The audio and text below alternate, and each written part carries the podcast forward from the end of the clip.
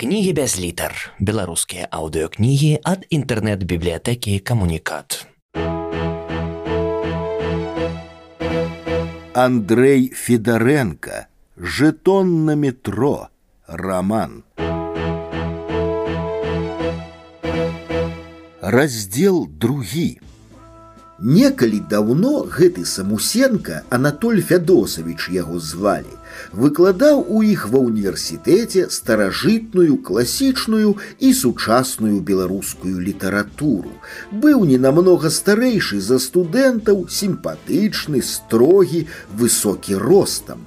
Пра яго ведалі, што жанаты, мае сына і дачушку, а таксама, што ён аўтар нейкай надзвычай смелай дысертацыі ці манаграфіі, якую, праўда, ніхто са студэнтаў не чытаў.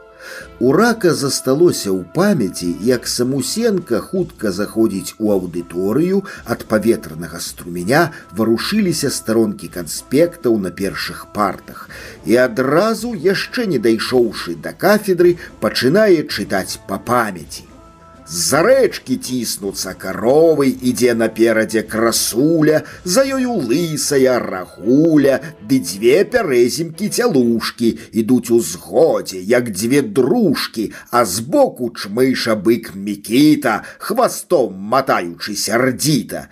І гэта ўсяго адна бедная беларуская сям'я. Казаў іранічна і чамусьці сярдзіта, як той бык самусенка – Полічыце і зразумееце, што гаротнасць нашага сялянства моцна перабольшана. Аднак, акрамя гэтай каронкі цытаты з новай зямлі, на яго занятках панаваў сум. Лекцыі былі сухія, ад манатоннага крыху ў нос голасу усе ўпадалі ў санлівасць. Затое на семінарах і іспытах рэзаў ён бязбожна, рабіўся яршысты, уедлівы, не пытаў, а дапытваў. Студэнты ад страху называлі яго і Фядор Федос Анатольевич и Анатоль Самусеевич и нават Моисей Фядосович, але ён не папраўляў, каб толькі такія хібы былі ў студэнтаў. І вось так атрымалася, што ім былому студэнту і былому выкладчыку выпала жыць у суседніх дамах. Свет тесны, жартаваў самусенка, Беларусь удвая, а мінск утрая. Як часта бывае ў мегаполісе, жывучы побач яны амаль не сустракаліся. Рак ведаў, што самусенка давно на пенсіі, дзеці выгадаваліся, дачка журналістка выйшла замуж за француза і жыла ў Парыжы. Затое сын Юра, бацькоўскае гора, шалапут, байкер з банданаю, нідзе не прыткнуты, і чамусьці з гэтым юркам рак перасякаўся куды часцей, чым з яго бацькам. Юра неаднойчы заходзіў да рака і, апусціўшы вочы, прасіў пазычыць грошы. Інтэлігентны, далікатны, мяккі рак не мог яму адмовіць. Між тым байкер, асмялеўшы, рабіўся ўсё больш нахабным, пачаў не проста прасіць, а патрабаваць.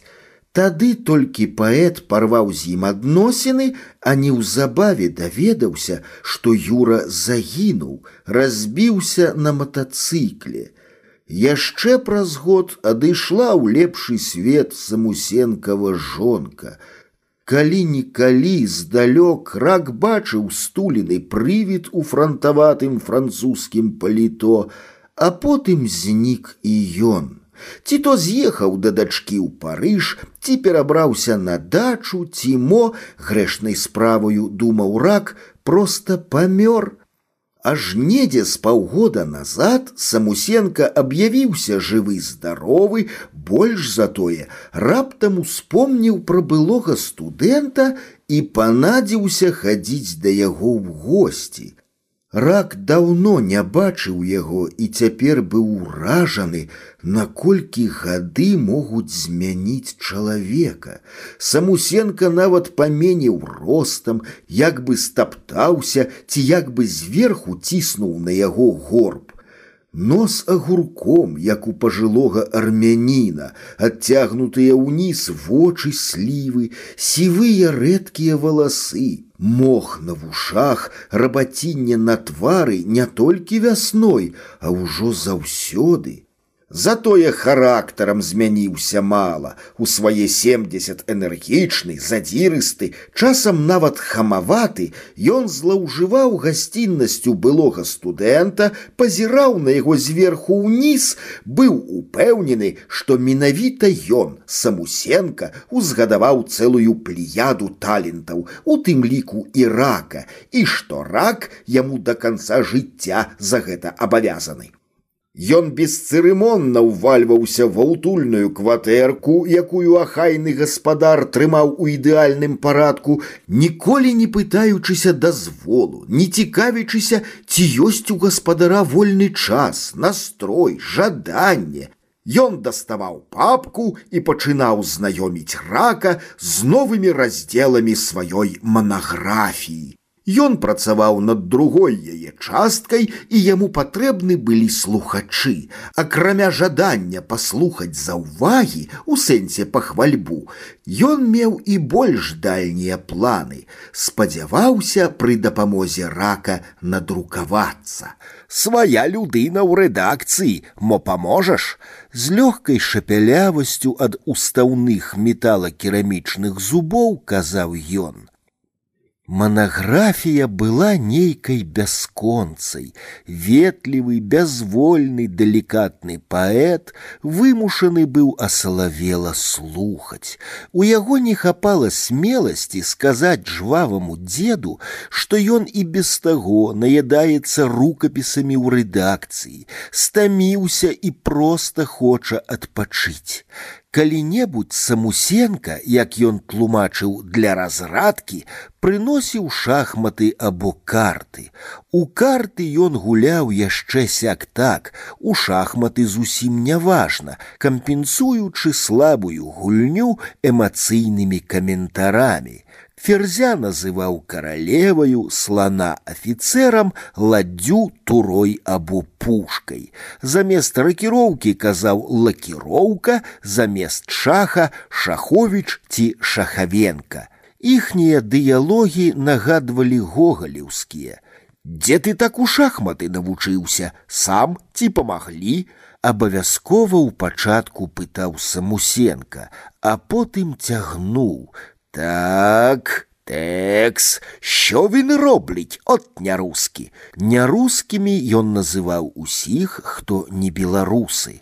Рак, ціха, поднос, канечне, нярускі, я беларускі. Що він робить, от нярускі. Канечне не рускі, я беларускі, ракіроўка праз бітае поле не робіцца. Добра, рабіце. Що він не русський роблить? Почакай, я назад заберу ход. Де стояла? Тут я поставлю там.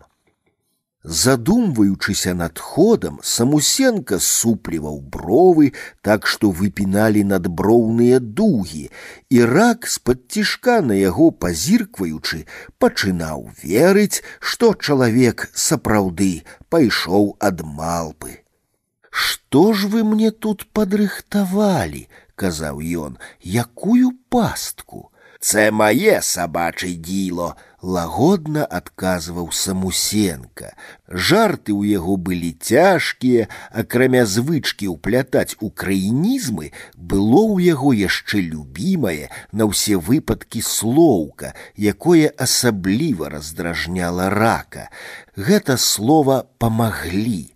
Дзе б што і з кім не здаралася ад пабытовай непрыемнасці да глобальнага стыхійнага бедства, самусенка, калі калі з намёкам, калі з хітрынкай і паніжаючы голас, але заўсёды ўпэўнена канстатаваў: памаглі. Самалёт разбіўся, чулі, не сам памаглі.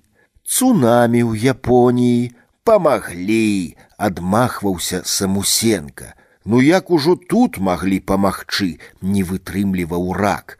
Экалагічны баланс парушылі.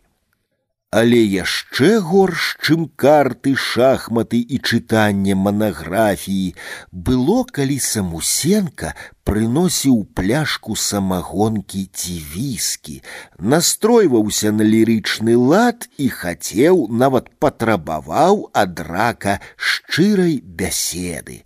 Тады для сціплага сарамлівага летуценнага паэта пачыналася проста кара егіпецкая. Па-першае, самусенка быў пераборлівы ў плане закускі, любіў усё, як ён казаў, вясковае, простае, сапраўднае, менавіта сала з часнаком і цыбуляй, салёны гурок, яечню на шкварках, акурат усё тое, чаго далікатны рак цярпець не мог. Я не опускаюся до таго, каб у кавярню хадзіць. Мне хапае грошы на сваё натуральнае, казаў з гонарам самусенка. Я бы чаго есці не буду. Ты мне по-простаму падзмаш пельменяў з яечняй, казаў ён, а не омлет з беконам, ці як у той раз памятаеш кітайскай локшыны з крэветкамі і мідыямі. Прыдумаць жа такое. Калі-небудзь ён прыносіў загорнуты ў ліст А4 кавалачак белага ці прысыпанага чырвоным перцам вэнджанага сала, нюхаў і цмокаў языком. Ах, які водар на альховых дровах, сала з маёй малой радзімы, землякі з ельска прывозяць, прадаюць каля еўраопта прымушаў рака пакаштаваць і калі той праз сілу з'ядаў скрылёк пачынаў чапляцца як можна мужчыну беларусу не любіць сала ці рэлігія не дазваляе па-другое варта было яму выпіць як у яго зусім развязваўся язык і ён пачынаў даставаць рака больш вытанчана Узять хоть бы мяне, вялікая кватэра, была жонка, быў сын, ёсць дачка і зять і ўнучка, а ты ни жук, ни рак, а так, один з музай у беднай спадніцы. Зрэшты, у мяне падазрэнне, што ты сам ведаеш, не той арыентацыі. Усе вы такія, паэты, мастакі, візажысты, стылісты. Рак панура маўчаў, супраць хамства няма зброі, і толькі зрэдку рабіў слабыя спробы абараніцца, стараючыся таксама гаварыць з іроніяй, казаў, што яго дзеці ў кожным горадзе, дзе ён бываў у камандзіроўках і на выступленнях, самусенка дабрадушна пасмейваўся: « Расказвай, ведаем мы вас нетрадыцыйных. Уявіце сабе, Гэта мы ўжо чулі, і спрытныя ж вы на такія штукі, адкуль што бярэцца, самі вучыцеся ці памагаюць. Не хачу больш з вами мець добра, не крыўдуй, веру, веру. Зрэшты, трэба аддаць яму належнае, ён усё ж неяк адчуваў мяжу і палку стараўся не перагінаць, змяняў тон, прасіў прабачэння, пачынаў хваліць паэта, чытаў на памяць яго вершы, абяцаў уключыць іх у сваю манаграфію, і добры бяскрыўдны рак адтайваў. Пасля заднім розумам пакутліва думаў, якую ж яму вынайсці абарону, успамінаў свае любоўныя раманы, усе яны былі нейкія несур'ёзныя, даставаў з шуфляткі і гартаў стары нататнічак з тэлефоннымі нумарамі, якіх даўно не існавала, з жаночымі прозвішчамі, якія даўно былі заменены на мужавыя. Неяк вясной у красавіку самусенка прыйшоў да яго з папкай, але замест манаграфіі дастаў з яе нейкія раздрукаваныя аркушы. Што ў мяне ёсць для цябе? Ён са змоўніцкім выглядам хіхікаў, паціраў руки і нават разгуляўшыся, даволі балюча ўшчыкнуў рака за бок. Каб пасля не казаў, што твой стары выкладчык паганы, нават не ведаю, чым ты мне аддзячыш. Што гэта? Падпрацоўка, ты казаў, хочаш падзарабіць, дык вось табе выпраўляй русізмы. Знайдзі такое цяпер, лаві момант, а то жадаючых многа. Чыё гэта? Якая розніца? Адзін багаты чалавек. Ды хто? Прозвішча можна сказаць? Якая розніца? Ну, літаў. Так, рускі, але я за аднаго такога рускага дванаццаць нашых не аддам. Я ў яго быў на віле, які дом умеюць жыць людзі. Самусенко зацмокаў языком і яшчэ больш стаў падобны на старога армяніна. Дом, басейн, сад, прыслуга умеюць, умеюць жыць. Колькі яму гадоў, якая розніца твайго веку пад пятьдесят і толькі пачынае пісаць, чаму я першы раз пра яго чую. Ён не так давно піша, махнуў рукой кудысь удалечыню самусенка, як толькі пераехаў у Беларусь, тры гады ўсяго. Рак недаверліва ўзяў раздрукаваныя лісты, адразу выскачыла, кінулася ў вочы дванаццатае стагоддзе, пятнаццатае стагоддзе, ягайла, скіргайла, кейстут міндоўг, Гісторыя усклікнуў рак. Ён нікому не прызнаваўся, але варта было яму ўбачыць рымскія лічбы стагоддзяў, назвы бітваў, імёны князёў і каралёў, як на яго находзіла нейкае здранцвенне. Ён прызнаваў толькі ролю літаратуры ў станаўленні і развіцці нацыі, а ўсе гэтыя тэксты, гэтак званую гісторыю, ды яшчэ беларускую гісторыю, у якой сам Саламон не разбярэцца, лічыў кампіляцыяй з іншых кампіляцый, перапісваннем рознымі аўтарамі аднаго і таго ж тэксту, які пры жаданні можна было адшукаць пісаць у самай элементарнай вікіпедыі. Не, сказаў ён, я не гісторык. Прычым тут гісторыя, проста механічнае рэдагаванне, тут не трэба гісторыя. Вось што я вам скажу, яшчэ не чытаючы, графаманія. І не думайце, калі ласка, што гэта умоўнасць. Гэта рэальная хвароба з усімі сімптомамі не гарачыся, яшчэ не глянуў, а ўжо гарачыся. Я ведаю гэты тып дылетантаў іншародцаў. Для іх усё экзотыка. Іх адкрыцці, што Якуб колас і янка купала несапраўдныя імёны, або што гістарычная літва і цяперашняя дзве вялікія розніцы. Ды хто ён па прафесіі, кім працуе? Якая розніца, нешта звязанае з лесам. Так я і ведаў. Ну а калі б ён быў прафесійны гісторык, ты б узяўся, ну не хочаш яму, памажы мне, мяне разгрузі. Вас, а я табе калі-небудзь памагу. Пабачыўшы, што рак завагаўся, самусенка паднаціснуў, пачаў угаворваць, нарэшце, як апошні аргумент, хутка, нібы баючыся, каб рак не перадумаў, напісаў зверху на паперчыне суму. За адзін аркуш чатырнаццатым шрыфтам праз паўтара інтэрвалы, а ў кнізе такіх аркушаў мінімум дзесяць. Рак не поверыў вачам. Па мясцовых мерках сума была проста неверагодная.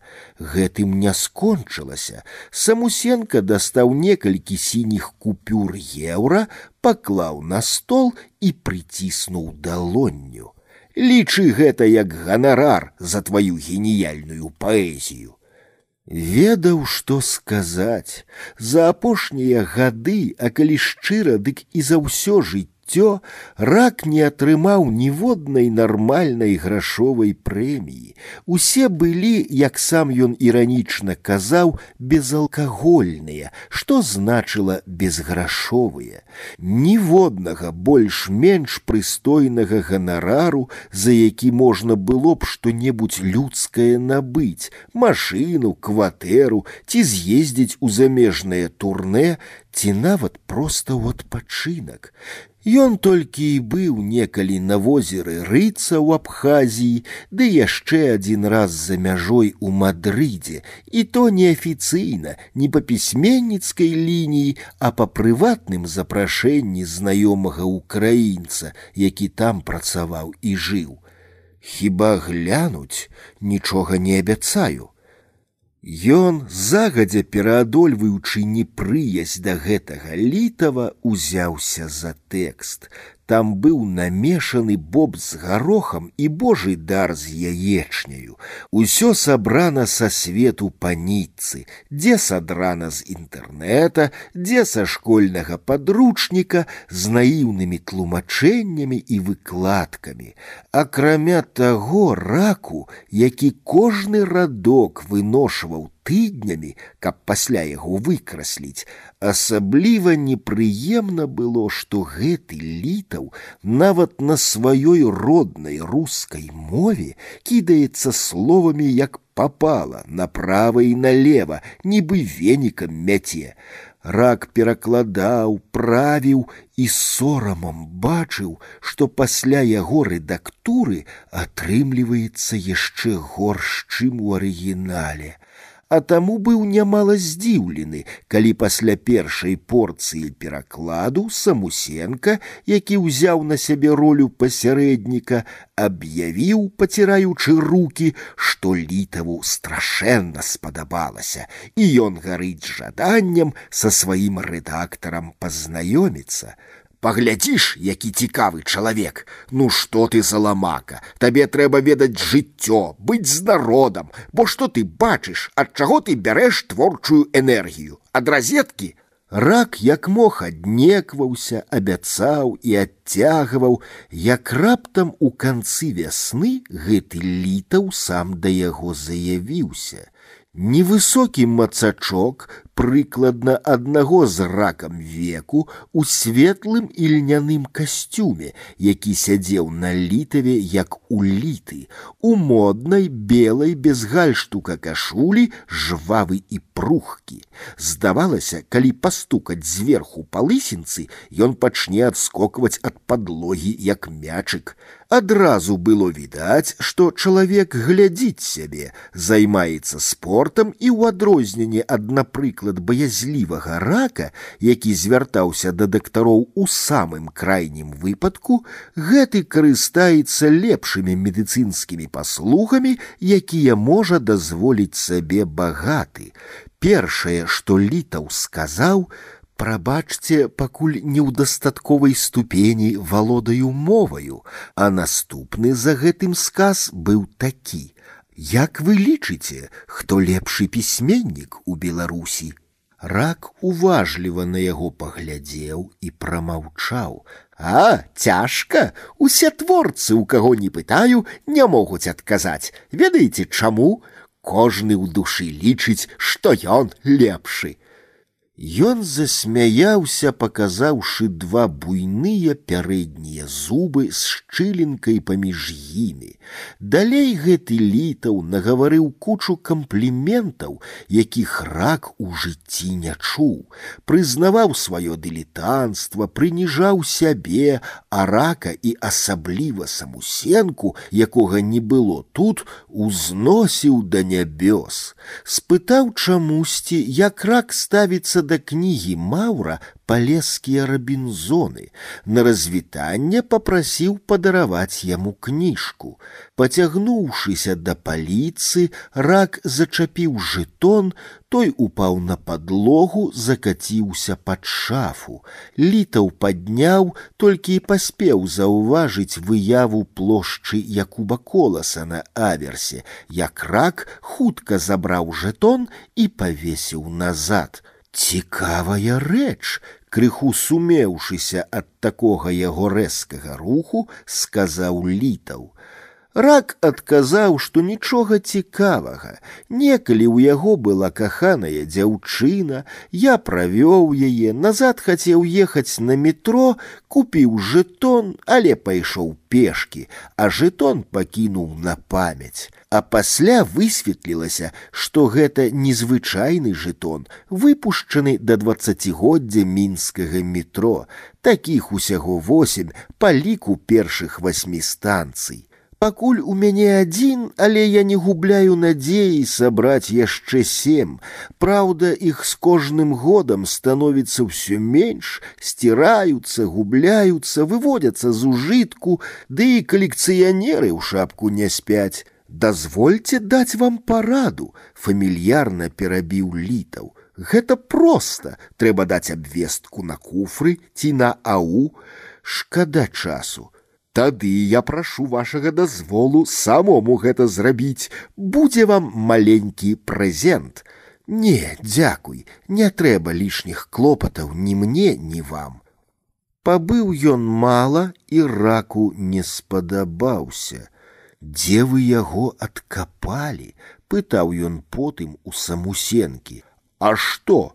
Слізкі ён нейкі, і гэты зачын прабачце што пакуль не валодаю мовай у дастатковай ступені я сустракаў многа людзей якія пачыналі як літаў але ні разу не бачыў ніводнага які б сваю абяцанку выканаў гэта просто анекдот пароль апазнавальны знак як толькі чалавек папросіць прабачэння што пакуль не валодае ён ніколі не авалодвае Це творча людина.